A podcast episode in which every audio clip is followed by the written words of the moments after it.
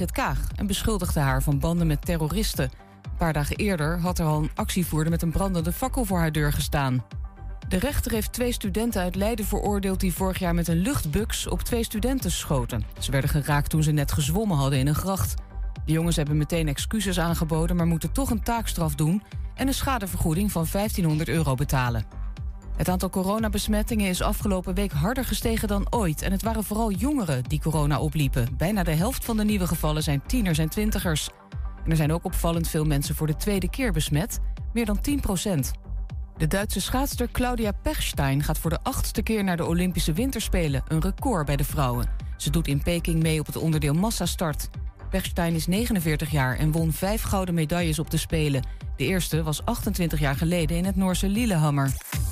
Het weer, steeds meer bewolking en een graad of 4. Vanavond en vannacht kans op een buitje. Morgen eerst bewolkt, later steeds meer zon en het wordt dan 7 graden. En dat was het ANP-nieuws.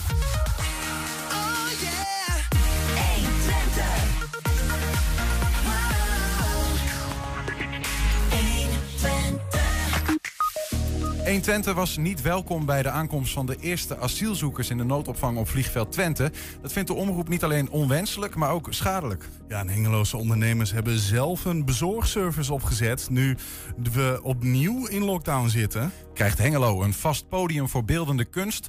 Of moeten kunstenaars op wisselende locaties hun werk tonen? GroenLinks en SP gaan in gesprek. En Ton Ouwehand sluit met zijn column de uitzending af. Het is dinsdag 11 januari en dit is 120 vandaag. 120. 120 vandaag. Dominee Jan Veldhuis uit Enschede trekt ten strijde tegen de exorbitant gestegen energieprijzen. Hij zegt daarover in een mail aan onze redactie. Er voltrekt zich op dit moment een regelrechte ramp. Met name grote huisgezinnen met hoge stookkosten gaan hieraan ten gronde. Jan Veldhuis is eh, bij ons in de studio om die ramp die hij ziet ontstaan te duiden. Jan, welkom. Ehm, hoe- hoeveel reacties krijg je? Eh, want je bent ook voorzitter van Diaconaal Platform Enschede. Ja, dat klopt. Ehm, we hebben eh, een heleboel reacties gehad, een eh, stuk of dertig. Ehm, voor een paar weken geleden. Op dit moment stuur ik ze allemaal door naar, naar Arriva, waar het meldpunt is. Ja. Maar we hebben echt, ja, echt huilende mensen aan de telefoon gehad. Ja, je houdt het niet voor mogelijk wat, wat voor een, een, een ja, gevolg dit, welke gevolgen dit heeft voor met name huizen die eh, zeg maar in een, eh, in een klasse van label C tot G gaan.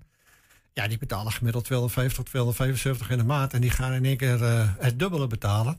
En met name bij de stadsverwarming is dat heel erg. Die Essent bijvoorbeeld, die, die, die berekent nog een, eh, nog een eh, nou ja, gecultiveerd bedrag, laat ik maar zo eens even zeggen. Maar en natuurlijk, die, eh, die spitst de kroon. Ja, en natuurlijk is de, de uitbater van het warmtenet in Enschede, die voor de, van de stadsverwarming. Die gaan bijna 90% omhoog. Ehm, ik heb hem ook persoonlijk een brief geschreven. Ehm, er is een of andere eh, ja, actie eh, waar mensen een petitie kunnen schrijven. Mhm. eh, op in, in kunnen schrijven. Maar wat hun doen, om het een simpel voorbeeld te noemen. Ehm Ineco die, eh, heeft hun tarieven met 43% verhoogd. En, en natuurlijk met bijna 90%. Nou, dat valt niet uit te leggen. Ehm, ik kan me niet voorstellen dat die verschillen zo groot zijn. En Ja. zo dus eigenlijk zeg je dus dat, dat je bij, eh, bij, als je schoon gas zou nemen, bij Essent eh, bijvoorbeeld eh 50% goedkoper uit bent, Mhm. als bij Ineco, ik noem maar. Ja, ja, we hebben dat ook even gevraagd aan, aan, aan- en natuurlijk van hoe zit dat? Ehm, En zij geven eigenlijk aan, ja, die 90% dat gaat eigenlijk over de kosten per ehm, gigajoule. Hè, dus je moet je voorstellen, elke hoeveelheid energie die je gebruikt gaat 90% meer kosten. Maar ehm, er, dat geldt voor een gemiddeld eh, huis, huis, of gemiddeld huishouden gaat het uiteindelijk maar om 54% verhoging. Nou, hoe, hoe berekenen ze dat dan? Je betaalt een soort van eerste, dat noemen ze het vastrecht, betaal je standaard. Dus dat, dat wordt niet verhoogd. Maar de, de prijzen per gigajoule verhogen wel. Ehm, eh, onder de streep betaal je dan niet eh 90% meer als huishouden, in, zeggen zij. Ze je betaalt gemiddeld 54% meer. Dat is mooi. Maar Dan mogen ze ook de uitleg van Ineco ernaast leggen. Van, wat, mij ontzettend tegen de borst eh, en natuurlijk, is dat ze mij nog tot op de dag van vandaag niet hebben kunnen uitleggen waar het verschil van eh 43% en 90% ligt. Dat is eh, bijna 50% verschil. Mhm. Eh, wat hun dus eh, in hun berekeningen voeren en Ineco aan de andere kant, ehm, ja, met, met bijna 50% minder. Nou, ehm, waar ligt dat dan aan? Leg, leg het me maar uit. Dit, dit, kun, dit is niet uit te leggen. Alsof de gasprijs bij Eneco goedkoper is als bij, bij, eh, bij R natuurlijk. Ja. Dit is toch waanzin? Ja.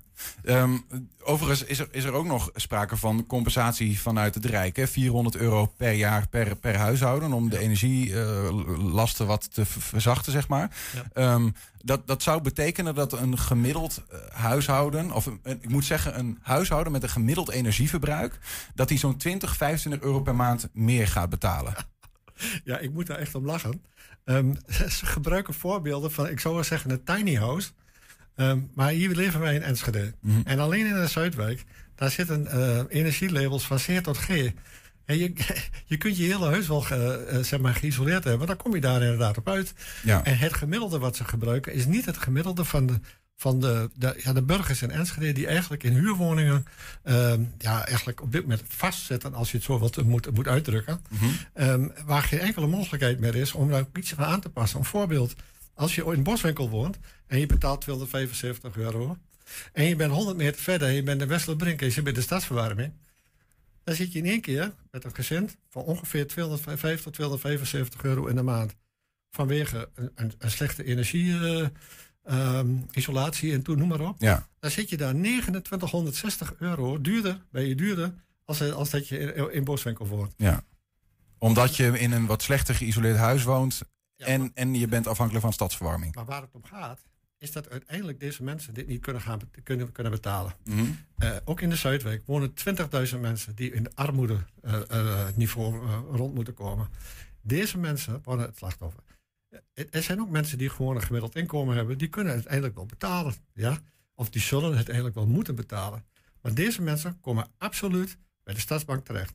Ik zweer het met mijn hoofd op de tafel. Ja, Dit ja. is niet tegen te houden. En dit zal gebeuren. Hier Hoe- hoef je geen profeet voor te zijn. Is dat, is dat eh, ja, ik weet niet of daar iets eh, aan, aan cijfers over te, te zeggen valt hoor. Maar je hebt natuurlijk met Diaconaal Platformen veel contact met ehm, huishoudens die juist al de eindjes aan elkaar moeten knopen. Is het in, ehm, in dat hele landschap nu kommer en kwel? Zeg maar, dat was het al, maar is het, is het alle hens aan dek nu?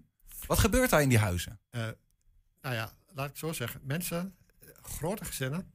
Maar ook, ik heb ook een vrouw uit aan de telefoon gehad. Die als alleenstaand. Die had een, eh, een maandelijkse eh, bijdrage voor, ehm voor en natuurlijk voor 125. En 25 euro stroom of zoiets. Die gaat nu naar 300 euro. Van 150 totaal naar 300. En die vrouw die heeft een bijstandsuitkering. En die huilde aan de telefoon en zei van... Mijn maandbedrag is nu in één keer omhoog gegaan. Mhm. Maar hoe moet ik dat dan betalen? Want het eind van de maand moet ik 300 euro op tafel leggen. En ik krijg 1024 euro. En daar gaat 300 euro vanaf. En dat is 724 euro wat ik overhoud voor de huur en weet ik wat allemaal nog meer. Nou, dan krijgt ze nog een beetje toeslagen. Maar uiteindelijk komt het erop neer dat die vrouw omkomt. Dit gaat niet goed komen. En ook met alle, alle respect. Ook 200 euro van de gemeente die zij mag aanvragen, is een druppel op de gloeiende plaat. Deze mensen komen absoluut bij de voedselbank en bij de stadsbank uit. En die vrouw zei: Ik heb mijn leven lang nog nooit schuldig gemaakt. En nu sta ik met de rug tegen de muur. Ja. Wat moet ik nou doen? We praten niet over tienduizenden mensen, maar een aantal duizend. Het gaat niet over heel Enschede, maar het gaat om de mensen aan de onderkant van de maatschappij. Dit komt niet goed. Ja, want die, die leven, wat je eerder ook al zei, die leven vaak juist ook in een huis wat al niet zo goed geïsoleerd is. Ja. Dus die hebben meer last eigenlijk van deze. de- het vliegwiel is groter voor hen nu met die energiearmoede. Want dat is ook een soort van nieuw begrip wat is ontstaan. Ja, wat zeg je? De energiearmoede hebben we het ineens over. Ja. Hè? Een jaar geleden nog nooit iemand van gehoord. Ja. Denk ik. Nou, Ik niet. Nou, ik ben wat meer belezen in deze situatie. Ehm, eh, als iemand sta- stadsverwarming heeft, is hij altijd duurder uit als gas. Mhm. En ehm, ja, als laatste misschien dat ik nog even kan, kan, kan toevoegen. Ehm, deze, deze, deze hele situatie is gebaseerd op de laatste maanden. Zeg maar de laatste half jaar. Er wordt één keer per jaar bij de stadsverwarming een aanpassing gedaan. Ja? Het is geen variabel iets wat je bij, bij Essent kunt afsluiten. Het is een vast bedrag. Ja. Dit bedrag blijft staan tot volgend jaar januari. Ondanks dat nu de gasprijzen gehalveerd zijn. Ik heb heel veel vraagtekens. Als je daar echt eenmaal in, in gaat duiken, dan denk je van... Wat gebeurt hier? En wat is eigenlijk al die jaren al gebeurd? Hier zit nog veel meer achter... als dat we op dit moment kunnen bevroeden. Want als op, de- op deze manier alles wordt berekend en, en de gasprijs gaat weer naar beneden. Ja. Je zegt eigenlijk, en natuurlijk ehm, heeft de, dezelfde kosten, maar berekenen een hogere prijs door. Dat is. Kijk, dat, dat is toch Ja. logisch? Met andere woorden, geen verandering, dat is de kassa. Ja. Zij zeggen daar over, eh, overigens zelf over dat dat niet zo is. Hè. We, ze zeggen, we worden hier niet rijk van de enige kosten, de kosten die we doorrekenen. Hè, die, die 90% per eh, gigajoule, Ja. per energieeenheid die je kunt afnemen. Ja. Die moeten wij gewoon doorberekenen. Want ook bij ons zijn de kosten hoger door stijgende prijzen. En laat ze me maar uitleggen waar het verschil zit tussen NECO en N. Ja. Ik heb het nog steeds niet gehoord, nergens gelezen. En er komt ook niet het antwoord. Ehm, het, het, het maakt uiteindelijk ook niet eens zo heel veel uit wat je zelf ook al zei. Hè. Ze gaan eh, eh, ook een gemiddeld huishouden, laten we het daar dan even op houden, gaat er 54% eh, moet, gaat meer betalen. Dat is ook al een hele slok op een borrel. Nou, en als je dus eh, meer energie gebruikt dan gemiddeld, is dat nog veel meer. Kan dat oplopen tot wel 60. En eh, nou ja, 90% zo- zul je denk ik niet bijkomen. Maar dat even in het midden laat het. 54% is ook heel veel. Ehm, wat wat moeten we nou doen? Want je zegt het zijn een aantal duizend huishoudens in eh, Enschede. Wat kan Diakonaal? Kun je daar zelf iets aan, eh, aan doen? Of? Nou, ik, ik begrijp natuurlijk heel goed dat, eh, dat we allemaal met de rug tegen de muur aan staan. Ja. Eh, wij, wij leven in een maatschappij die, ja, die de markt laat werken, zoals dat heet. Neoliberalisme ten top. We moeten de markt laten werken. Er is totaal geen invloed meer. Maar dat betekent wel dat mensen die in deze situatie zitten, onderkant van de maatschappij, ehm, weinig inkomsten, en ook geen uitzicht op meer inkomsten, eh, hier de slachtoffer van worden. En ik- ik- ja, kijk, ook de politiek staat natuurlijk met de rug tegen de muur. Ik kan, ik kan me best goed, goed voorstellen dat Jeroen Diepema met, bij zichzelf denkt... in vredesnaam, nou, wat moet ik hiermee? Ja. Maar, en 200 euro eh, van de gemeente, net, ik heb het net uitgelegd... dat is een druppel op de gloeiende plaat. Deze Mhm. mensen komen absoluut bij de schuldsanering terecht. Ja. Want even als bijvoorbeeld de mevrouw die je net vertelt, hè, Ja. als die een eh, heel plat gezegd een extra trui aan zou trekken en geen verwarming meer nodig heeft, zou ze dan nog steeds problemen hebben vanwege stijgende prijzen? Nou ja, je kunt, eh, je kunt natuurlijk eh, ook eh, in principe buiten gaan worden als een, als een, ja, als een zwerver. Ja. En maar dan zit je wel in je eigen huis, maar dan leef je als een zwerver. Ja. Ik weet niet of jij dat graag wilt, ik niet. Nee, het gaat dus om gewoon een primaire levensbehoefte dat er enigszins warmte in je huis is. Absoluut. En ik, ik hou me hard vast voor de, voor, de, voor de gezinnen met kinderen. Maar goed, ik hoor je ook zeggen, ja, ook Diepema. Ja, sorry, want ik wil niet Ja. voorbij gaan aan die mensen. En Ja. ik, ik, kan me enigszins voorstellen hoe dat eruit moet zien. Eh, dat is heel erg. Ja. Ehm, eh, maar maar ja, je zegt we zijn met de rug tegen de muur. Eh, en ook, ook de wethouder misschien in dit geval wel. Ja, waar moet hij het geld vandaan halen? Juist. En, en hij moet dus politiek zeg maar kunnen sturen. En dat kan hij niet. Omdat we dus met die mark- mark- marktwerking zitten. Het enige wat er overblijft is, is bijzondere bijstand. Ja? En dan moet je daar een uitzondering op maken.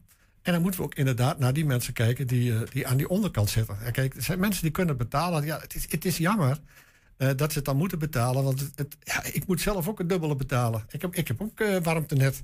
Ik, ik, ik, ik woon in een groot huis.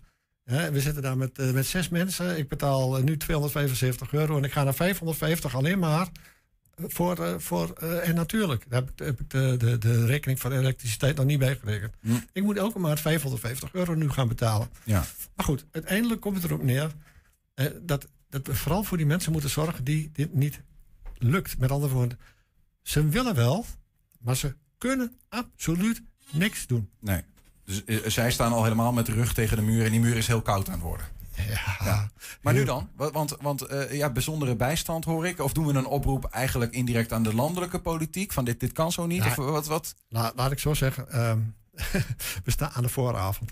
Iedereen die wordt pas, wordt pas wakker als, eh, als het loonstrookje, of in ieder geval de salarisstrook binnen is. En eh, aan het eind van de maand alles betaald moet worden. Ja. Niet iedereen kijkt daarnaar. En iedereen denkt, een heleboel mensen die, eh, die reageren zelfs niet.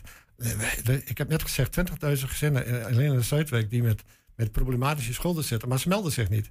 En ook deze mensen die dit voor de kiezer krijgen, ja, die denken van, nou ja, het zal wel moeten. En, eh, maar uiteindelijk, onder de streep betekent dat gewoon keihard, ik kan het niet meer betalen. Ja. Dus, en daar komen de consequenties uit. Er zijn ook andere consequenties, want mensen zijn heel inventief. Mhm. En die gaan zeggen, ik kan ook wel een paar dingetjes, eh, een paar plantjes bovenop mijn slaapkamer eh, zetten. Want dan heb ik misschien nog een klein beetje warmte, eh, doordat ik een paar dingetjes verkoop. Ik, ik zeg het even heel cru, Mm. maar mensen in overlevingsmode doen de gekste dingen. Dan kruipt het water ergens anders naartoe. Juist, en, we, en, we, en, we, en we, we gaan naar een maatschappelijk bestel... wat niet alleen onbeheersbaar is... maar wat op dit moment al onbeheersbaar is geworden. Want Ja. het is niet wat nog moet komen, maar wat er al is. Maar dan, dat, is, dat is opnieuw een, het, het, het, het vaststellen van het probleem. En die voel ik, die snap ik ook.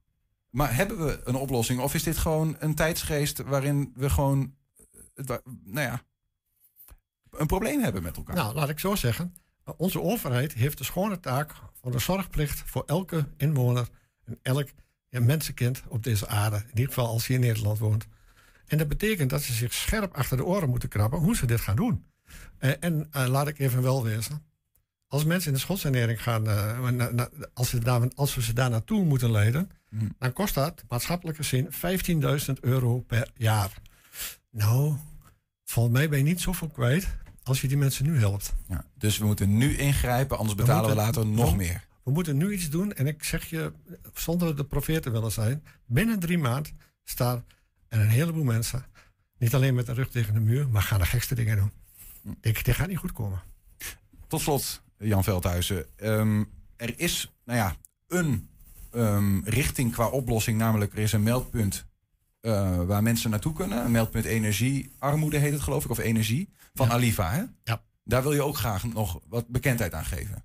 Ja, ik, ik, zou in ieder geval, eh, laat ik zo zeggen, als mensen zich niet melden, eh, dan kan de politiek daar ook niet zoveel mee. Hoe meer mensen zich melden, eh, ook al is het met van ik kan het niet meer betalen, en ook al komt er geen antwoord van we hebben een oplossing voor je, maar meld het alsjeblieft, zodat ook zeg maar, politiek gezien er een, een, een, een vuist gemaakt kan worden, ook richting Den Haag, van jongens, dit gaat helemaal niet goed komen. En ergens zullen ze toch grenzen moeten trekken wie ze kunnen helpen en wie ze niet kunnen helpen. Altijd heel vervelend. Maar als we niks doen, dan gebeurt er dat wat we net met elkaar besproken hebben. Ja. Dus eh, maak jezelf bekend en eh, zorg dat er een vuist gemaakt kan worden. Meld het. Jan, dankjewel voor, eh, voor je komst. En eh, hou ons op de hoogte ook van de geluiden die je hoort. Ja, graag gedaan. En ik, hoop, ja, ik hoop dat het beter wordt. Maar het is een lastige situatie. Heel moeilijk. Dankjewel. Zometeen, waar veel zelfstandige winkeliers in het land bang zijn de strijd met de grote online winkels te verliezen, hebben ze in Hengelo het heft in eigen hand genomen. Ja, we zijn ook als podcast te luisteren via alle bekende platforms. Je vindt daar de hele uitzendingen en elke dag één item uitgelicht. 120. 120 vandaag. Dan, 120 was niet welkom bij de aankomst van de eerste asielzoekers in de noodopvang op vliegveld Twente. Na aanvankelijke afspraken met de gemeente over het maken van reportages van dat moment, sloot het Centraal Orgaan Opvang Asielzoekers, beter bekend als het COA, de poort. En dat is niet alleen onwenselijk, vond onder meer onze hoofdredacteur Henk ten Harkel. Het is ook schadelijk. Maar waarom eigenlijk? We praten daarover met eh, collega Ernst Bergboer. Ernst, altijd een beetje gek om over jezelf te praten. Eh, in dit geval wij als omroep. Ja, Ehm, misschien, nou weet ik niet. Ehm, maar oké, ja, een beetje gek. Moet je niet te vaak doen. Ehm, maar eh, toch goed om, om, dit, om dit te benoemen, want er speelt iets waar, nou ja, eh, eh, waar wij als omroep in ieder geval onze vraagtekens bij hebben. Maar wat, wat is er precies aan de hand? Nou, eh, eh, vorige week maandag zijn er gesprekken of zijn er afspraken gemaakt met de gemeente om de aankomst van die eerste groep asielzoekers eh, in, op, op, op, op het vliegveld om, om, om daar verslag van te kunnen doen. Ehm, en de volgende ochtend kregen wij bericht dat het COA had gezegd: nee, pers is toch niet welkom. Ehm, nou, dat is wat er speelt. En ja, dat betekent dat je dus ehm, niet goed in beeld kan brengen, niet goed verslag kan doen van wat daar speelt op het vliegveld. En dat is, dat, is, dat is lastig. Ja. Dat gaat om dat eerste moment dat die asielzoekers zouden aankomen. Want ik heb ook een reportage gezien dat we welkom waren om een nachtje te blijven slapen. Om te kijken hoe ziet dat er daar binnen uit. We Ja. waren in principe wel welkom. Ja, nee, die, die nacht hadden we kunnen blijven slapen. Maar dit gaat echt over zeg maar, toegang tot eh, het terrein eh, waar de asielzoekers verblijven. En eigenlijk contact met de asielzoekers zelf. Eh, dat kan niet zomaar. Weet je waarom dat niet kan? Want Nou- ja, ik kan me daar van alles bij voorstellen. Maar heeft het COA daar een bepaalde verklaring voor? Ja, nee, op, op, op zich is dat eh, niet zo heel gek dat het niet zomaar kan. We had- Daarom waren er ook afspraken gemaakt. Kijk, dit zijn vluchtelingen, vaak uit gevoelige gebieden. Ehm, en je kunt niet zomaar mensen in beeld brengen. Dat kan voor hen zelf gevaarlijk zijn. Of misschien voor mensen die eh, achter zijn gebleven in het land waar zij wonen. Ehm, dus dat brengt risico's met zich mee. Eh, dat is een heel belangrijk punt. En dat, nou, dat, dat is ook heel logisch. En daar, ook, ju- juist daar hadden we afspraken over gemaakt hè, om dat niet te doen. eh, ervoor te zorgen dat mensen niet zichtbaar in beeld zouden komen. En een tweede punt is dat het COA zei van, nou weet je, we hebben huisregels. Dit is privédomein van deze mensen, eigenlijk hun woonplek. Eh, ja, daar kan je niet zomaar met camera's gaan lopen rondlopen. En, en op zich zijn dat natuurlijk logische dingen. Ik zou het niet leuk vinden als mensen bij mij thuis voor de ramen met grote camera's zouden verschijnen zonder hè, onuitgenodigd. Ja. Eh, maar goed, precies daar kan je afspraken over maken. Het punt is een beetje dat wij die afspraken met de gemeente hadden gemaakt. En dat COA dat heeft overruled. Ehm, zonder daar eh, van ja, maar zijn er dan andere oplossingen mogelijk? Eh, want, want we willen wel graag verslag doen van wat daar speelt. We willen contact hebben met de bewoners die Maar daar mogelijk, zitten. mogelijk zegt zij dan, ja nee, die zijn er niet. Kan ik me zo voorstellen. Nou, Zijn die zijn er, kijk, die zijn natuurlijk wel. Op het moment dat je bijvoorbeeld eh, journalisten embedded kunt laten meegaan met de militaire missie in Afghanistan, ik noem even een raar voorbeeld, kan je natuurlijk allerlei afspraken maken. Kijk, waar, waar het voor ons als pers om gaat, is dat wij reëel verslag kunnen doen, een goed gevoel kunnen krijgen bij wat daar leeft en wat daar speelt. En niet alleen over die mensen praten, maar ook met die mensen kunnen praten. Dat is natuurlijk van groot belang, wil je aan objectieve berichtgeving doen. En vergeet niet dat dit Kijk, asielzoekersopvang is altijd een heikele kwestie. Hè. Dat is gevoelig, dat ligt gevoelig bij omwonenden. Eh, mensen vinden daar van alles van, hebben daar beelden en, en, en, en ideeën bij. Ehm, en de tweede, dit is extra gevoelig, omdat dit een, een zeg, ver- verplichte... Nou ja, goed, we weten nu dat daar wat vraagtekens bij te plaatsen zijn. Maar een door de regering verplichte opvang was ook nog. Dus Enschede moest.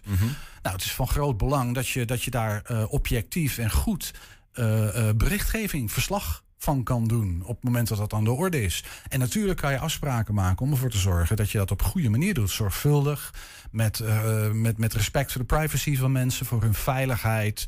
eh, en ook voor het feit dat dat hun woonomgeving is. Je gaat daar niet zomaar met, met camera's rondlopen. Dat begrijp ik heel goed. Ja, maar je zou, jij zou op het moment dat het erop aankomt bijvoorbeeld ook eh, een asielzoeker zelf willen kunnen vragen van hey, hoe gaat het hier eigenlijk? En ook als er eventuele incidenten zijn, hoe werkt dat eigenlijk? Dat zou je aan hen zelf willen vragen in plaats van een woordvoerder van het COA bijvoorbeeld. Ja, nee, je wil verhalen altijd van alle kanten kunnen checken. Hier spelen veel belangen. Het allereerste belang is het belang van die asielzoekers die daar zit. En de beeldvorming die over hen wel of niet bestaat. We hadden gisteren wat, wat verhalen die we heel graag wilden gaan checken. Ja, dat is dus heel erg moeilijk. Je bent voortdurend afhankelijk van secundaire bronnen. En of dat nou omwonenden zijn die verhalen vertellen. En dat kunnen indianenverhalen zijn, maar kunnen ook echte incidenten zijn. Dingen die gebeuren, wil je dat kunnen checken. En wat voor verhalen heb je het over? over? Ja, we hebben gisteren één verhaal gepubliceerd. eh, want dat, dat kregen we deels bevestigd. Maar we hebben de hele dag geprobeerd contact te krijgen met het COA. Dat lukte niet. Dus we hebben daar nog vragen over. Dat is een verhaal van drie mannen die op een aantal erven in de omgeving hadden rondgestruind. En daar foto's hadden staan maken. Weet je? Eh, nou, dat verhaal is bevestigd door de gemeente. Dus dat konden we brengen. Wat we niet weten is wie deze mannen zijn. Ze komen hoogstwaarschijnlijk uit de opvang. Maar dat weten we ook niet 100% zeker. Waarom ze daar waren, weten we ook niet. Maar weet je, daar kan van alles gaande zijn. En je kan dat dus op geen enkele manier controleren. En dan heb je het nodig om toegang te hebben tot ook de mensen waar het om gaat. Eh, niet alleen het COA, niet alleen een gefilterde boodschap van of een gemeente. Want ook die hebben belangen bij beeldvorming. Eh, dus je wil eigenlijk aan alle kanten gevoel kunnen krijgen voor het echte verhaal. Want dan breng je ook, weet je, dan doe je niet aan valse beeldvorming, dat soort dingen. Dat verhaal kregen we deels bevestigd. Maar er waren nog wat andere verhalen die vrij wild zijn, misschien. Of eh, eh, we hebben geen idee of dat Indianenverhalen zijn of dat dat echt is. Het probleem is dat wij het niet kunnen bevestigen, nog ontkrachten. Maar dat dus kun je verhalen aan- zingen nog steeds Dat rond hoef je toch dan niet per se eh, te vragen door het terrein op te gaan en die vluchtelingen zelf te vragen. Dat zou je dan toch ook gewoon kunnen doen door bijvoorbeeld het COA te bellen. Dan- Zeker, maar vergeet niet, en wij zijn natuurlijk journalisten en eh, eh, een, een zekere argwaan is altijd gezond volgens mij, is dat ook het COA belangen heeft. Die heeft, heeft belang bij positieve beeldvorming rondom die opvang. ja, die vluchtelingen ook. Vluchtelingen ook, is heel logisch. Uh, maar op het moment dat het COA het verhaal vertelt, hoef ik ook niet per se af te gaan op, het, op de blauwe ogen van het COA, zal ik maar zeggen. Dan vind ik het fijn om manieren te hebben om verhalen altijd te kunnen toetsen. Uh, van klopt het wel of klopt het niet? Ik heb nog wat vragen. Hoe zit dat nou precies? Ja. Eén. en eh, ik wil niet over die vluchtelingen praten, maar ook met die vluchtelingen kunnen praten. Snap je? Dat is, dat is toch wel een verschilletje. Het gaat om hen. Het gaat niet om de belangen van het COA. Het gaat niet om de belangen van de omwonenden primair. Het gaat niet om de belangen van de gemeente Enschede. Het gaat om die, eh, de, de, die, die vluchtelingen die daar zitten. En, en nou ja, goed, de- de, de beelden die wij daarvan in ons eigen hoofd eh, hebben. En als dat foute beelden zijn, wil je die gauw ontkrachten. Als daar gedoe is, dan wil je daar ook eerlijk over kunnen berichten. Daar gaat het om. Ook als het in het nadeel van die vluchtelingen Tuurlijk, is. je wil, je, wil- je, wil waar, ik heb, je wil waarheidsvinding. Je wil, je wil het verhaal zo goed mogelijk vertellen. Ja. En daarvoor is het van groot belang dat je toegang hebt tot alle mogelijke bronnen. Want dan kan je ze toetsen. Ja, maar met goed. afspraken misschien, hè, dat is allemaal waar. Dat kan, maar daar, daar kun je het over hebben met elkaar. Ja, Hoe precies. gaan we dat ik, ik, ik kan me dus zo, zo voorstellen dat, dat, en ik weet dat niet, hè, maar de, dit is een nieuwe groep mensen, die komt daar, het is allemaal nieuw voor henzelf ook. Hè. De burgemeester heeft overigens ook bedankt voor het, eh, die zou ook bij die, hè, waarnemend burgemeester Theo Ja. Boven, zou bij die eerste aankomst zijn. Heeft hij ook gezegd, nou als het COA vraagt om geen bezoekers te hebben, dan kom ik ook niet. Het was niet alleen niet pers, maar ook hij. Misschien is dat dan voor de groepsvorming beter. Ja, nu ga ik namens het COA praten, is ook niet oké. Ja, we zijn nu aan het speculeren, maar, maar, maar mijn, het, het, het appel is eigenlijk... oké, als dat soort dingen allemaal spelen... laten we het dan met elkaar daarover hebben. Hoe kunnen wij ervoor zorgen, als, dat is onze taak als mediabedrijf... eh, om daar het echte verhaal boven water te krijgen. Wat hebben wij daarvoor nodig? En dat en dat en dat. Onder welke voorwaarden kan dat? Ja. Weet je, ik ben soms al tevreden als ik gewoon... eh, dan hoef ik niet eens verslag te doen van iets wa- wa- wat ik besproken heb met iemand. Maar als ik weet, ik zit op het goede spoor. Weet je, dan weet ik dat ik, dat ik gevoel... Nou, zo wil ik een aantal bronnen kunnen raadplegen. Nou, er- wordt nu een, een, een deel van die bronnen worden soort of afgesloten. Daar hebben we geen toegang toe.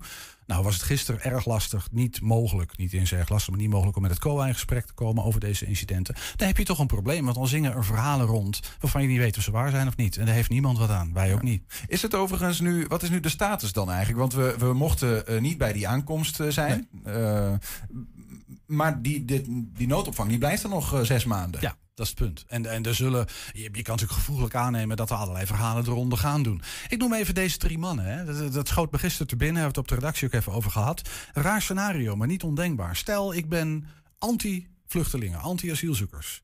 En ik huur voor 300 euro eh, drie getinte mannen eh, in. En ze struinen een beetje rond daar op die erven. Eh, en, en, want je weet automatisch, weet je, dat gaat natuurlijk, wordt dat gelinkt aan die, aan die, aan die noodopvang.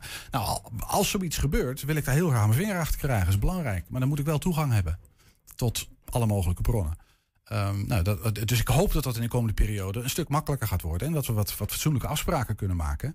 Met bijvoorbeeld het COA, slash de gemeente. De gemeente is uiteindelijk eindverantwoordelijk, hè? Niet het COA. Ja, wel voor wat er op het terrein gebeurt. Maar de gemeente bepaalt. En die gaat ook over de veiligheid en over die beeldvorming. en Noem het op. Dus ik hoop dat we daar goede afspraken over kunnen maken eh, in, in, in de toekomst. Om het wel een stuk makkelijker te maken. Want dit is niet oké. De gemeente bepaalt, ondanks dat het COA eh, hier gezegd heeft. Weet je, ik ben eh, geen jurist, ik weet niet precies hoe het nee. zit. Maar de, de gemeente is verantwoordelijk voor, eh, voor, voor, voor, voor deze nood, eindverantwoordelijk voor deze noodopvang. Nee, Oké, maar voor, voor, voor nu is, is de uitspraak van, wordt, in principe is pers überhaupt niet welkom? Vooralsnog, voor zover ik... nee, niet. En, maar dat is ook oké. We, we gaan ook niet zomaar dat terrein op. Maar het lijkt me heel zinvol om eh, met de gemeente slash het COA afspraken te maken over hoe we dit nou fatsoenlijk in beeld kunnen gaan brengen. En of daarvan verslag kunnen gaan doen. Wat voor manier dan ook. Ehm, er is- me nog één ding te binnen, wat ik nog, eh, waar ik eh, zelf nog vragen over heb. In Gorkum werd ook een dergelijke noodopvang geopend. Ja. Bij die eh, aankomst van asielzoekers was wel pers aanwezig. Ja, nee, precies. Dat is ook het voorbeeld waarvan je denkt van, weet je, eh, we snappen die redenen van privacy. We snappen die redenen van veiligheid voor asielzoekers. Dus daar kan je kennelijk afspraken over maken. En dat is precies waar het over gaat. Dat willen we heel graag. Eh, want dan kan je alle bronnen die je hebt zo goed mogelijk raadplegen. ehm, en heel zorgvuldig proberen om verslag te doen van alles wat daar speelt. Slash kan gaan spelen in de komende maanden. Dankjewel Ernst, we gaan het volgen. Ja, graag gedaan. Straks krijgt Hengelo een vast podium voor beeldende kunst. Of moeten kunstenaars op wisselende locaties hun werk tonen? Ja, en heb je nog een tip voor de redactie? Mail dat dan naar info.120.nl 120. 120 vandaag. Ondanks de zoveelste lockdown zitten de Hengeloze centrumondernemers niet bij de pakken neer. Waar veel zelfstandige winkeliers in het land bang zijn de strijd met de grote online winkels te verliezen, hebben ze in Hengelo het heft in handen genomen en zelf een bezorgdienst opgezet. Een van de centrumondernemers, Brigitte Schoenmaker van Kapsalon Stylings, legt uit hoe dat in zijn werk gaat. Ja, de centrummanager die, eh, is degene die ehm, eigenlijk als eerste heeft gezegd van... Joh, is, is dit niet iets om te gaan eh, ontwikkelen? En eh, daar is heel erg positief op gereageerd. Zowel door de ondernemers als dus ook de ondernemersvereniging Stichting Centrummanagement. En Hengelo Promotie en eigenlijk eh, ja, iedereen die dan zijn zegje daar overheen moet doen. Ja, en dat is natuurlijk fantastisch als je dan als ondernemers zijnde ehm, ja, je zo gesteund kan voelen door je eigen gemeente en, en centrummanager. Dus dat, ja, dat is wel heel gaaf. Dit product is er voor ons binnengekomen. Die ga ik nu leuk inpakken. Het voordeel is wanneer je hem bij de fietscouriers doet... dat je hem niet zo heel erg vol hoeft in te pakken... dan wanneer je hem landelijk gaat versturen. Dus ehm, een leuk gezellig tasje erom en dan, eh, dan is het goed. Hoeveel van dit soort pakketjes maak je ongeveer per dag? Nou, als we geluk hebben, dan een stuk of zes. En ehm, meestal gedurende de dag komen er nog een aantal bij. En dan zetten we ze klaar voor morgen. Dus ehm, eh, meestal gaan er zo per dag eh, zo'n zes, zeven pakketjes gaan de deur uit. En, eh, en nu zo'n pakketje klaar is, waar wordt het dan naartoe gebracht? Ik moet hem nu gaan aanmelden via de site. En dan komt er nog een etiket op. En dan wordt hij hier een paar deuren verderop, Wemenstraat 12a, wordt hij, wordt hij naartoe gebracht. En daar komen dadelijk de fietscouriers. En die gaan hem meenemen. En dan, ehm, nou ja, dan eh, gaan ze hem eh, vanuit daar gaan ze zorgen dat hij goed en veilig eh, op de bestemming komt. We zijn met z'n allen toch wel ja, eigenlijk in één keer afgeknipt, hè, zo vlak voor de feestdagen. En ja, dan moet je toch maar zorgen dat je die binding met die klanten weet te houden. En dat ze niet het gemak gaan opzoeken van een van de landelijke sites. En ehm, toch ook het lokale wel, wel weten te waarderen. Ja, en hoe gaaf is het dan dat we op deze manier onze ondernemers ehm, ja, kunnen steunen... en ook zelf ook heel erg goed gesteund kunnen voelen.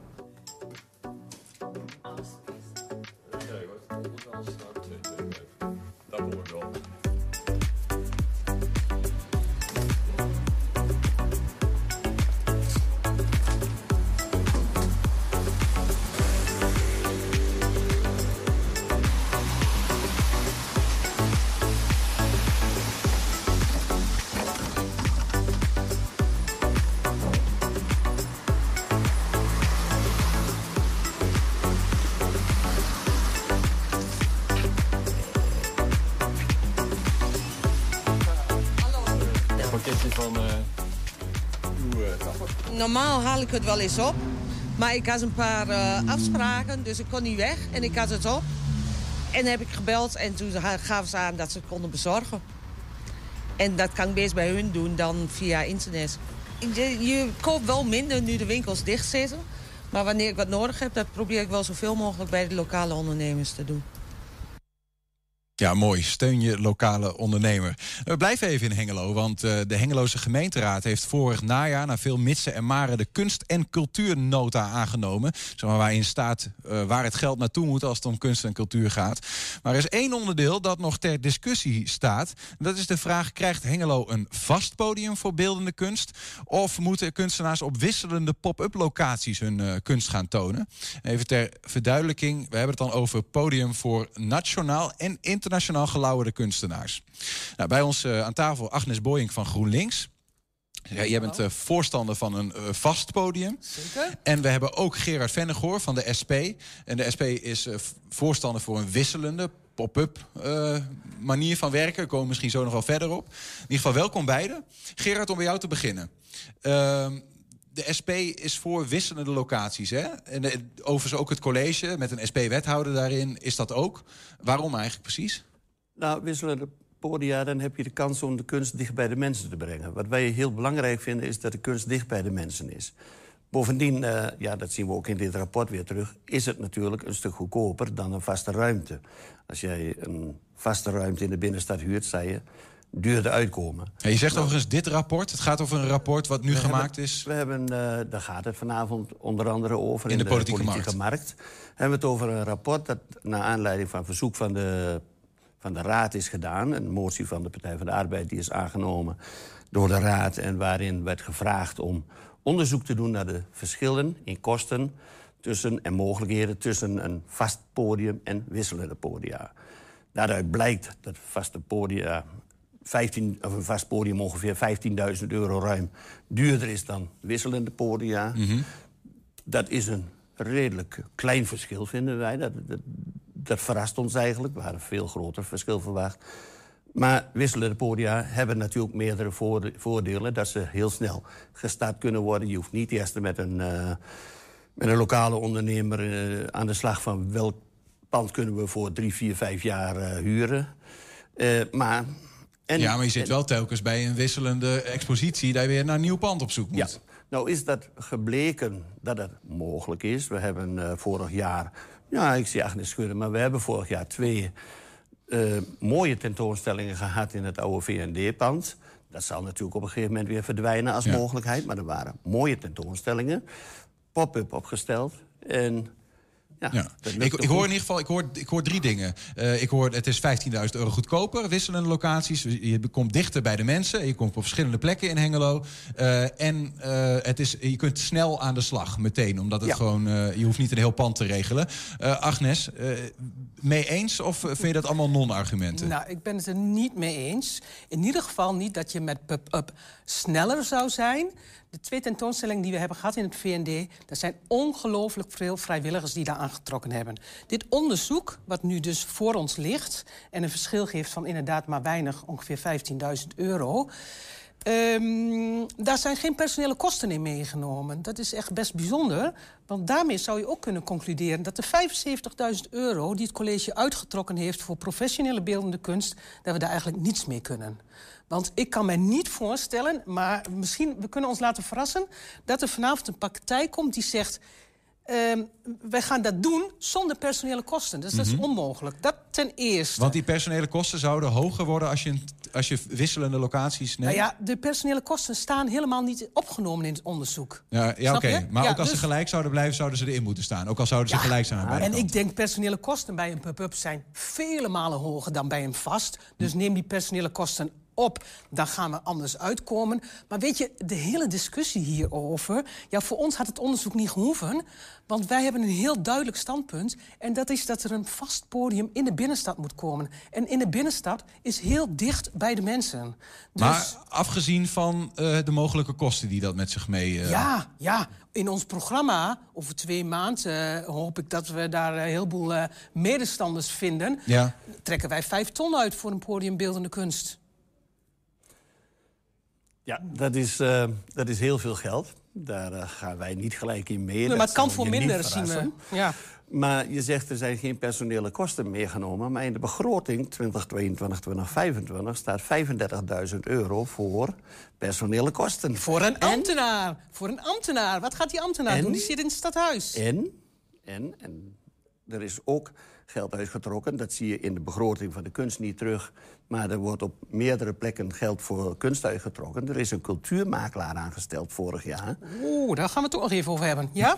Ja, ga door. Mevrouw Jessie von Picat, yes. Ja, een eh, pittige dame die eh, allerlei dingen doet en de sociale, ehm, het sociaal domein, zeg maar, combineert met de kunst en probeert om verbinding te leggen daartussen en Mhm.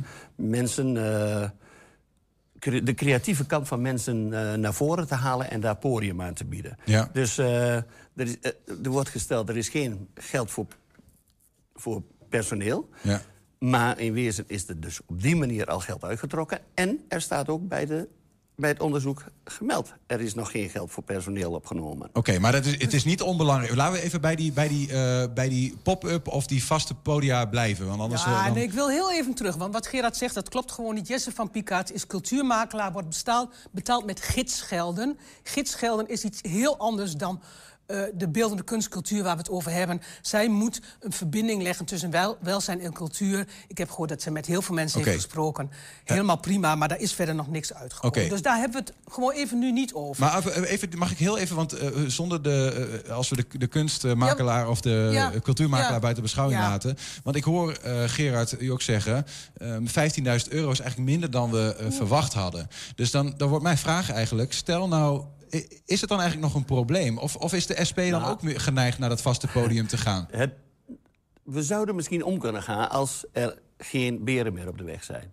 Eh, Dus er zijn nog steeds een aantal problemen. Maar een van de problemen is dat er nog geen enkele organisatie gevonden is... die zich bereid heeft verklaard om dat in een vaste locatie te doen. Dat is wel een must om die te hebben. Want als je dat niet hebt, er zijn wel meerdere partijen... meerdere partijen, staat in het onderzoek... die, die genegen zijn dat op wisselende podia te doen. Ja, laat me even uitspreken. Maar wat wij zouden willen voorstellen, zoek nou of er niet een organisatie is die wil pre- eh, presenteren op een vast podium. En kijken of die dat inderdaad voor die 15.000 extra kan doen. Het college bereid kan vinden om die 15.000 budget extra erbij te doen. En ook nog een keer kijken dat je alle partijen bij kunt betrekken. Ik bedoel, die... eh, Maar als die partij zich zou melden? Jij zegt er zijn geen personeelskosten, maar er is wel degelijk een projectleider bedacht in het systeem. Die, die wordt geleverd door de organisatie die het organiseert, die, die de exploitatie uitvoert. En die moet ervoor zorgen dat de Ja, maar die moet toch betaald worden? Waar clubs- wordt die van betaald dan? die moet zorgen dat alle organisaties op het gebied van de kunst... dat die met elkaar verbonden worden. Ja. Dat de kunstenaars onderling verbonden worden. De kunstenaars onderling eh, is niet één groep. Het zou mooi zijn als we daar één groep Ja. van konden maken. Maar goed, ik neem aan dat ook al wordt het een tijdelijk Ja. of een vast podium, dan Ja. moet er zo, eh, dan, maar dan zijn die We praten personeelskosten over moeten hele allebei. verschillende eenheden. Die kunstenaars hoeven helemaal niet één groep te worden. We hebben in Hengelo ook geen bibliotheek voor de Hengeloze schrijvers. We zijn niet bezig met een podium voor de Hengeloze kunstenaars. We zijn bezig met een podium beeldende kunst... waar ook Hengeloze kunstenaars naartoe gaan... Ja. omdat die ook genieten van kunst. Net zoals ik met de trein naar Assen ga om naar Frida Kahlo te kijken... zou ik het ook heel mooi vinden als mensen uit Assen naar Hengelo komen... om naar een tentoonstelling te kijken. En dat gaat dus nu niet. En we zijn een stad van 80.000 inwoners... maar we gedragen ons gewoon als een dorp. En we zitten in de hele stad vol te bouwen met appartementen... en ook in een hoog segment. En wij verwachten dus dat de mensen van de Bataafse kamp... die een duur appartement komen... dat die naar een kansspelhal gaan. Gelukkig gaat dat niet door. Ja. Maar ehm, laten we zorgen dat we gewoon wat aanbod hebben. Serieus. Nee, ik, en het gaat, Maar over, ik ben gaat ook over kunstenaars blij- uit New York. Ik ben heel blij met de opmerking van Gerard. Omdat ik ook denk, inderdaad, als we die partij vinden... Hè, en wat in de, in, in, de, in de uitslag staat, dat er partijen zijn die die pub-up wil... ik heb ze niet gesproken. En ik heb hier een lijstje van wie ik gesproken heb. Kunst Non-Stop, Haatpool, Art Ehm, de Concordia, ja, misschien wel. Ehm, En dat zijn partijen die? Dat zijn partijen die? die zeggen, wij gaan dat niet meer doen, die pub-up. Die dat pop-up. hebben we al zo vaak gedaan. Nee, oké, maar en ik Dat hoor Gerard ook, ik hoor jou ook zeggen, als er een partij zich meldt die op een vaste plek dat zou willen doen, dan is de SP mogelijk wel geneigd om, daar om daarin mee te gaan. Als we daar de, de problemen die er nou nog zijn... de Ja. risico's die er nou nog zijn, eerst kunnen uitsluiten... dan zouden wij daartoe kunnen bereid zijn om meer te gaan. Dan ben ik wel, ik ben ook wel benieuwd, ik ben ook wel benieuwd eh, waarom, want dat hebben we eigenlijk nog niet gehoord, waarom GroenLinks dan zo eh, voor een vast podium is. Want je noemde al even een eigenlijk eenzelfde soort ruimte, vaste ruimte in Assen, Ja. kleiner dan Hengelo. Nee, ja, maar Assen is gewoon een museum. Waarom ben ik daarvoor? Een stad van deze omvang heeft in ieder geval één plek nodig... waar je beeldende kunst laat zien. Dat hoort gewoon bij een stad. Daarnaast mogen er ook allerlei pub-up eh, tentoonstellingen komen daarbij. Ja. Snap je? En eh, de Is hele... kunst een primaire levensbehoefte Absoluut. volgens GroenLinks? Absoluut. Is kunst een primaire levensbehoefte volgens Ja. de SP? Ja. Ja? Ja, en, en er staat ook in het onderzoek dat we dan na drie jaar gaan toetsen of het een meerwaarde heeft. Nou, dat vind ik echt een zin die, ja, die mag eigenlijk niet in zo'n onderzoek staan. Dat is gewoon, dit is, ja, dat kan gewoon niet in deze tijd. Ja. Ehm, Waarom is het zo Als- belangrijk dan eigenlijk? Als jij, als jij zo overtuigd bent van dat die evaluatie niet nodig zou zijn... dan blijkt over drie jaar vanzelf dat het, dat het goed is en dat we door moeten gaan. Ja, goed. Dat is, nee, ja, dat, dat- is hetzelfde dat, dat we nou eens gaan kijken. Is onderwijs eigenlijk wel nodig? Laten we daar ook eens een onderzoekje naar doen. Ja, jongens. Zo, Nou, dat maar die idee, evaluatie eh, is- gaat dan denk ik toch ook over... is nou een vaste of een... Ja, maar wat ons betreft komt het helemaal niet tot die evaluatie. Ik bedoel, eh, over twee maanden hebben we verkiezingen. Wij vinden echt, en ik hoop dat meerdere partijen in Hengelo daar ook van doordrongen raken... Ja. dat het tenminste een vast podium moet zijn Ja, ja. in Hengelo. Eh, wat ik wel in- podium om te beginnen. Wat ik wel interessant vind, Agnes... eh, eh, je, je, bent best fel als het gaat om het Ja. onderwerp kunst... en over dit onderwerp, vast of niet.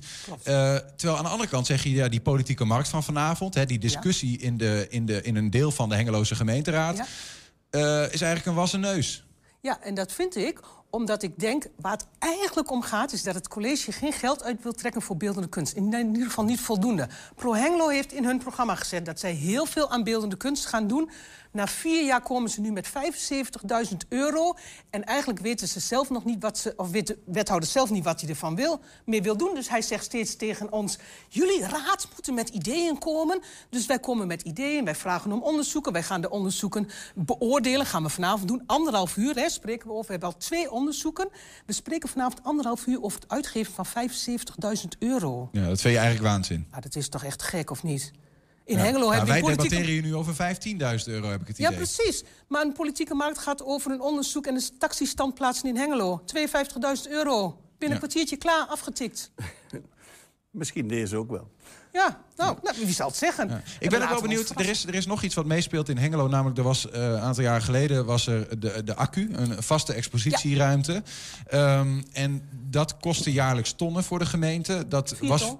Voor vier ton. Vier, vier en een half Sommige mensen ton, voelden ja. dat een beetje als een soort van molensteen. Hè, Mhm. En eh, moeilijk om er vanaf te komen. Is dat een beetje een angst die leeft bij de SP of niet? Dat we zoiets weer krijgen? Dat is geen angst die leeft bij de SP. Eh, het was heel jammer dat vier jaar geleden, eh, vijf jaar, nee. Tien. Ja, 2014. 2014. eh, negen, dat de verdwenen is. eh, puur omdat eh, er bezuinigd moest worden. Er zijn door de landelijke overheid eh, heel veel bedragen bij de, bij de gemeentes over de schutting gegooid. Van eh, zorg en eh, al dat soort dingen. Dat zoekt Ja. zelf maar uit. Er werd wel de, de, de, de last op de schouders van de gemeente gelegd. Maar het geld dat erbij hoorde, 40% werd daarop gekort ongeveer. Dus die gemeentes die moesten zelf in één keer ontzettend bezuinigen. Nou is kunst noodzakelijk, misschien wel een eerste levensbehoefte... maar ook een beetje een luxe. Het was makkelijker, daar moet je heel eerlijk in zijn... om te zeggen, laten we die kunst daaraan laten te prooi vallen... dan te zeggen, laten we alle mensen die in Hengelo wonen... en die zichzelf niet kunnen redden, maar met een Ja, uitkering... dus er of een keuze gemaakt voor de sociale... wat overigens ook een verplichting is van de Hengelo gemeente. is een sociale gemeente. En dat willen we ook graag zo houden. En dat is ook een deel van deze raad dat dat zo is. Ja. Maar er is geen angst dat, dat dit weer zo'n soort project wordt. Ah, eh, Ik zie je weer een beetje wiebelen op de stoel, Agnes. Nou ja, die, die vier ton. Wat denk ik een heel groot probleem met accu was, was dat het buiten het centrum zat. Dus het was echt moeilijk te vinden. En inderdaad, er waren bezuinigingen, die zijn ons opgelegd. Nou, eh, er is een beetje gegoocheld. En ze zeiden, weet je wat we doen? We doen die accu gewoon helemaal weg. Vier ton, klaar. Zijn we mooi klaar met onze bezuinigingen. Ja, in onze ogen had dat nooit gemogen. Je gaat niet één kernvoorziening gewoon weggooien. Dat is gebeurd. En wij vechten nu eigenlijk om die kernvoorziening terug te krijgen. Omdat die ook hoort in een stad met deze omvang. Ja, in het centrum dus, wat jullie In het centrum, absoluut. Maar hebben jullie, hebben jullie daar een idee bij waar dat dan zou moeten... Onder de telgen, in de oude Koza. Eh, ik, ik vind zelfs een idee dat de gemeente een pand gaat kopen. Ik weet wel dat de gemeente, en ik weet wat de VVD hebben, de, hebben de lokale kunstenaars, want we hebben het niet over de lokale... Nee, kan nee. wel, maar Nee, we hebben het over nationaal, over. internationaal. Ja. Maar hebben die heeft die lokale kunstenaar daar eigenlijk zelf ook nog wat aan? In, indirect, op een bepaalde manier? Of? Natuurlijk heeft hij daar wat aan. Ten eerste kan die kunst snuiven, kan die op de fiets naar een fatsoenlijke tentoonstelling. Vier of zes keer per jaar iets wisselend. Dat is gewoon ontzettend genieten. Schoolkinderen kunnen daar naartoe gaan. Ehm, het kan zijn dat jij als Hengeloos kunstenaar ook daar uitstijgt... en ook een keer daar gaat exposeren. Of zoals wij bij Hart Gallery zagen, één keer per jaar... een groepstentoonstelling van alle Hengeloze kunstenaars. Dat is ontzettende meerwaarde. Mhm, mhm. En, en een meerwaarde dat je van buiten mensen gewoon naar je stad gaat trekken. Waar het steeds over gaat, Hengelo-promotie, reuring, er moet wat gebeuren. Eh, het is eind, eind van het winkelen. CNA komt niet meer terug, de VND komt niet meer terug. We gaan naar kleine winkeltjes, kleine winkeltjes waar wat te beleven is... en ook gewoon het beleven zonder dat je geld uit hoeft te geven. Het, eh, ja, je, je zegt van eh, we moeten eh, heel veel geld uittrekken voor de. Voor de Ja, wij zeggen vijf ton. vier, we- vijf ton. Ja, nou weet je, je Eh, moet er gewoon een beetje je- groot durven gewoon- denken. 4, 5 ton, hoeveel is het nu? Even voor mijn beeld. Nu is het niks. Nu is misschien niks. vanavond 75.000 euro. Het is, eh, er zit natuurlijk van allerlei geld in de kunst. Eh, niks, dan? niks is overdreven. Er gaat bijvoorbeeld alleen al aan het, ehm, aan het ehm, fonds eh, BKV... eh, Ja, aan 50.000 het stimuleringsfonds. 50.000 euro. We hebben het over beeldende kunst, even Ja, om dat helder ja, te en daar gebeurde heel aan veel projecten. stimuleringsfonds. Beeldende Kunst en Vorming. Ja, BKV, klopt. 55.000 euro. Er gaat naar de beeldende kunst op dit moment ook iets van 37.000... verdeeld over een aantal dingen als eh, Ateliers 93... eh, zo een aantal andere clubs. Maar Ja. een 37.000 euro wat ook daarheen gaat. Ja. Ik noemde net al even de cultuurmakelaar. Staat niet onder het potje cultuur of eh, kunst genoemd. En Agnes is het daar dus niet nee, mee nee, eens. maar dat vind ik heel Maar- fout dat dat gezegd wordt. Want zij wordt betaald uit welzijnsgeld. Het kost de gemeente Hengelo helemaal niks. Dat, ik, Gem- wel- Het is gewoon niet goed dat je het daar zo is over ook geld dat de gemeente uitgeeft. Ja, Niks kost maar niks zij is een- kan niks is een bereiken rare, binnen is de een rare beeldende kunst. opmerking in deze. Nee, ehm, Dus er wordt op allerlei gebieden wel eh, geld uitgegeven. Jij zei net zo, het is een ambtenaar, maar er wordt 35.000 extra uitgetrokken voor... FTE, ambtenaar, gaat op stadhuis zitten. Precies. Maar wel Wat gaat hij dan een doen? iemand die regelt dat er allemaal plaats kan vinden. Wij vinden het heel belangrijk dat de kunstenaars kunst kunnen maken. Dat die zich kunnen richten op het bezig zijn. Je hebt mooi zo die visueuze, visueuze cirkel van eh, eh, interesseren, leren, Produceren, evalueren, ja. Het procesgericht leren. Maar goed, dan, in dat geval zou het ook een voordeel zijn om het op, op een vaste plek te, te laten, toch? Dan hoef je je niet Er meer bezig te houden met een er zijn locatie. Zeker, er zijn zeker voordelen voor een vaste locatie. En dat is bijvoorbeeld alleen al het vinden voor de bezoeker. Ja. Dat is veel makkelijker. Ja. En bij een tijdelijke tentoon- tentoonstellingsruimte moet daar plek voor gevonden worden. Moet daar budget voor gemaakt worden om steeds weer mensen te wijzen naar die plek. Ja. Er moet bij een wisselende tentoonstellingsruimte misschien meer personele kosten worden gemaakt dan in een vaste ruimte. Dus het kan naast, naast nadelen, het hebben van die 15.000 euro extra kosten, kan het ook voordelen hebben. Dus we zeggen, als de problemen die er nou nog zijn, dat geen enkele organisatie Precies. het wil Ik- organiseren, dat er. eh, nou ja, zo een aantal dingen meer. Dat die op, op tafel komen opgelost worden, dan kan de SP nog wel om. Daar gaan jullie vanavond onder meer je- over ja. praten. We moeten het gaan afronden, want, want, hè, dan hebben jullie vanavond nog ruim de tijd. Ja. eh, in ieder geval de, de politiek in Hengelo om daarover over door te praten. Ehm, dank in ieder geval voor nu, voor, voor een aanzetje. En eh, succes. Ja, En, eh, graag gedaan. nou ja, in ieder geval succes voor de kunst en cultuur in Hengelo. Op welke manier dat dan ook eh, gaat gebeuren. Agnes Boyink en Gerard Venko, dank voor jullie komst. Graag gedaan. Ja. Ja, en heb je een tip voor de redactie? Mail dat dan naar info.120.nl 120. 120 vandaag. Ja, en dan is het alweer tijd voor het eh, laatste item van vandaag. En dat is eh, de column van Ton Ouwehand. Ton, ben je het, eh, ben je het die oud en nieuw een beetje goed doorgekomen? Ja, ik heb het gered. Heb je het ja, gered? Ja, het is net aan Kantje boord? kantje woord, maar het is gelukt. Ja, tien vingers er nog aan. Allemaal, ja. Ja, er kan, er kan nog gitaar gespeeld worden. Ik kan nog, en ik kan met twee vingers typen, dus het had waarschijnlijk ook nog wel... Oh, kijk eens column aan. was niet in gevaar gekomen, zeg maar. Helemaal top. Ton, eh, het podium is voor jou. Dankjewel. Ik weet het ook wel, het is januari jazzmaand. Maar een columnist van 120 dient zijn ogen niet te sluiten voor de actualiteit. En daarom is deze column getiteld Linda de Mol en het bordeel van de koning. Er hing een fascinerend briefje op de deur van onze buurtsuper van twee adressen geleden. Er stond, beste klant. Ja, piept hij? Ja, maar hij staat erg hard. Oh, ik zet hem zachter voor Oh, oké. Begin even opnieuw. Begin even opnieuw, ja. Ik weet ook wel, het is januari, jazzmaand. Maar een columnist van 120 dient zijn ogen niet te sluiten voor de actualiteit. En daarom is deze, titel deze column getiteld Linda de Mol en het bordeel van de koning.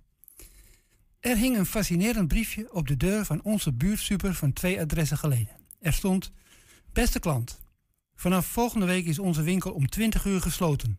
In plaats van tot 9 uur. Dat vond ik nou grappig geformuleerde informatie. Volslagen wartaal, maar je begrijpt direct wat ze duidelijk willen maken. En dat riep een dyslectisch trekje in mij wakker. Ik besloot wat alerter te zijn op dat soort verschrijvingen in openbare ruimtes. En omdat ik ze niet al te vaak tegenkwam, ben ik ze zelf gaan verzinnen. En daar kun je aardig, kun je aardig mee vermaken. Voorbeeld. In de bouwmarkt, waar ik wel eens kom, hebben ze niet genoeg personeel om alle kassa's tegelijkertijd open te houden. Om te voorkomen dat een klant zijn aanschaf op de loopband gaat leggen bij een onbemande kassa, zetten ze standaard een bordje op zo'n band met de woorden: Deze kassa is gestolen. Ja, dat staat er natuurlijk niet, maar zo lees ik dat. Ja, zo lees ik dat ook niet, maar zo had het er gewoon moeten staan. Want dan was het een veel leukere opmerking geweest, terwijl het effect hetzelfde is. Want wie gaat er nu een rij vormen voor een gestolen kassa? Deze manier van kijken biedt wat troost in deze droeve tijden. Daarbij hoef je echt niet te beperken tot super- en bouwmarkten. Door op licht dyslectische manier in het leven te staan, kun je ergernissen naar vrolijkheid ombuigen. Bijvoorbeeld het geval Linda de Mol. Ik vind dat Linda de Mol geen talent heeft voor acteren. En elke keer verbaas ik me erover dat ze het maar blijft doen. Het zou van enige handigheid getuigen als ze zich bij dat acteren of wat daarvoor door moet gaan zou omringen met andere amateurs, zodat haar geklungel niet zo zou opvallen. Maar nee hoor, Lina de Mol staat stevast tussen vertegenwoordigers van het hoogste segment uit de acteerwereld, waarmee ze haar onkunde alleen maar onderstreept. Hoe kan men, kan men deze ergernis op een licht dyslectische manier aanpakken? Door je te realiseren dat het woord acteren eigenlijk een anagram is van, van cateren. Je hoeft alleen maar de eerste twee letters om te draaien. En dan stel ik me zo voor dat Lena de Mol daar bijvoorbeeld wel heel erg goed in is. En dat ze tussen de opnames door enthousiast drankjes inschenkt voor de echte acteurs. En dat ze rondloopt met een blad vol gevulde eieren en blokjes kaas. En dat ze de hele tijd zo broodjes warm loopt te maken. Haar ijdelheid stoort me ook, want voordat een film of serie te zien is waarin ze opduikt, gaat Linda de Mol in zoveel mogelijk talkshows vertellen dat die serie, die film over dit of dat onderwerp te danken is aan haar.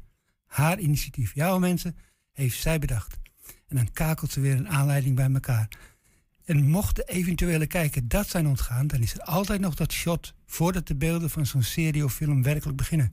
Dan staat er altijd pontificaal in beeld naar een idee van Linda de Mol. Maar dan denk ik, het is een zinnetje waarmee ze verantwoordt dat ze geen auditie heeft hoeven doen. En als ik dat zinnetje in beeld zie, dan draai ik het automatisch de eerste twee woorden al om. Dan staat er een naar idee van Linda de Mol. en dan hebben we het nog niet eens gehad over het nieuwe kabinet. Naar een idee van Mark Rutte. Gisteren hebben al die ministers en staatssecretarissen zich laten beledigen door de koning. En ze mochten kiezen wat voor soort belediging. Voor wie niet van vloeken houdt, kon het met ik beloof dit en dat. En wie niet wakker ligt van een vloekje, meer of minder zei iets van God Allemachtig. En na die beledigingen snel omkleden voor de bordeelscène op des konings bordeel. Best allemaal, maar vrijdag is de eerste corona-persconferentie met Ernst Kuipers in de rol van Hugo de Jonge. Benieuwd of er nog verspoelingen zijn. Mooi. Eh, not ouwe hand, dankjewel. Wat slecht. Ja, en daarmee zijn we aan het einde gekomen van 120 vandaag. Terugkijken, dat kan direct via 120.nl. En vanavond om 8 en 10 uur ook op televisie te zien. Zometeen kun je hier gaan genieten van het tweede deel van de ketreactie. Veel plezier en tot morgen. 120. Weet wat er speelt in Twente. Van 4 uur. Goedemiddag, ik ben René Postma. Willem Engel van Viruswaarheid kan op dit moment niet twitteren... want zijn account is net geblokkeerd. Waarom is niet bekend. Pas geleden twitterde hij het adres van Sigrid Kaag... en beschuldigde haar van banden met terroristen. Een paar dagen eerder had er al een actievoerder... met een brandende fakkel voor haar deur gestaan. De rechter heeft twee studenten uit Leiden veroordeeld... die vorig jaar met een luchtbux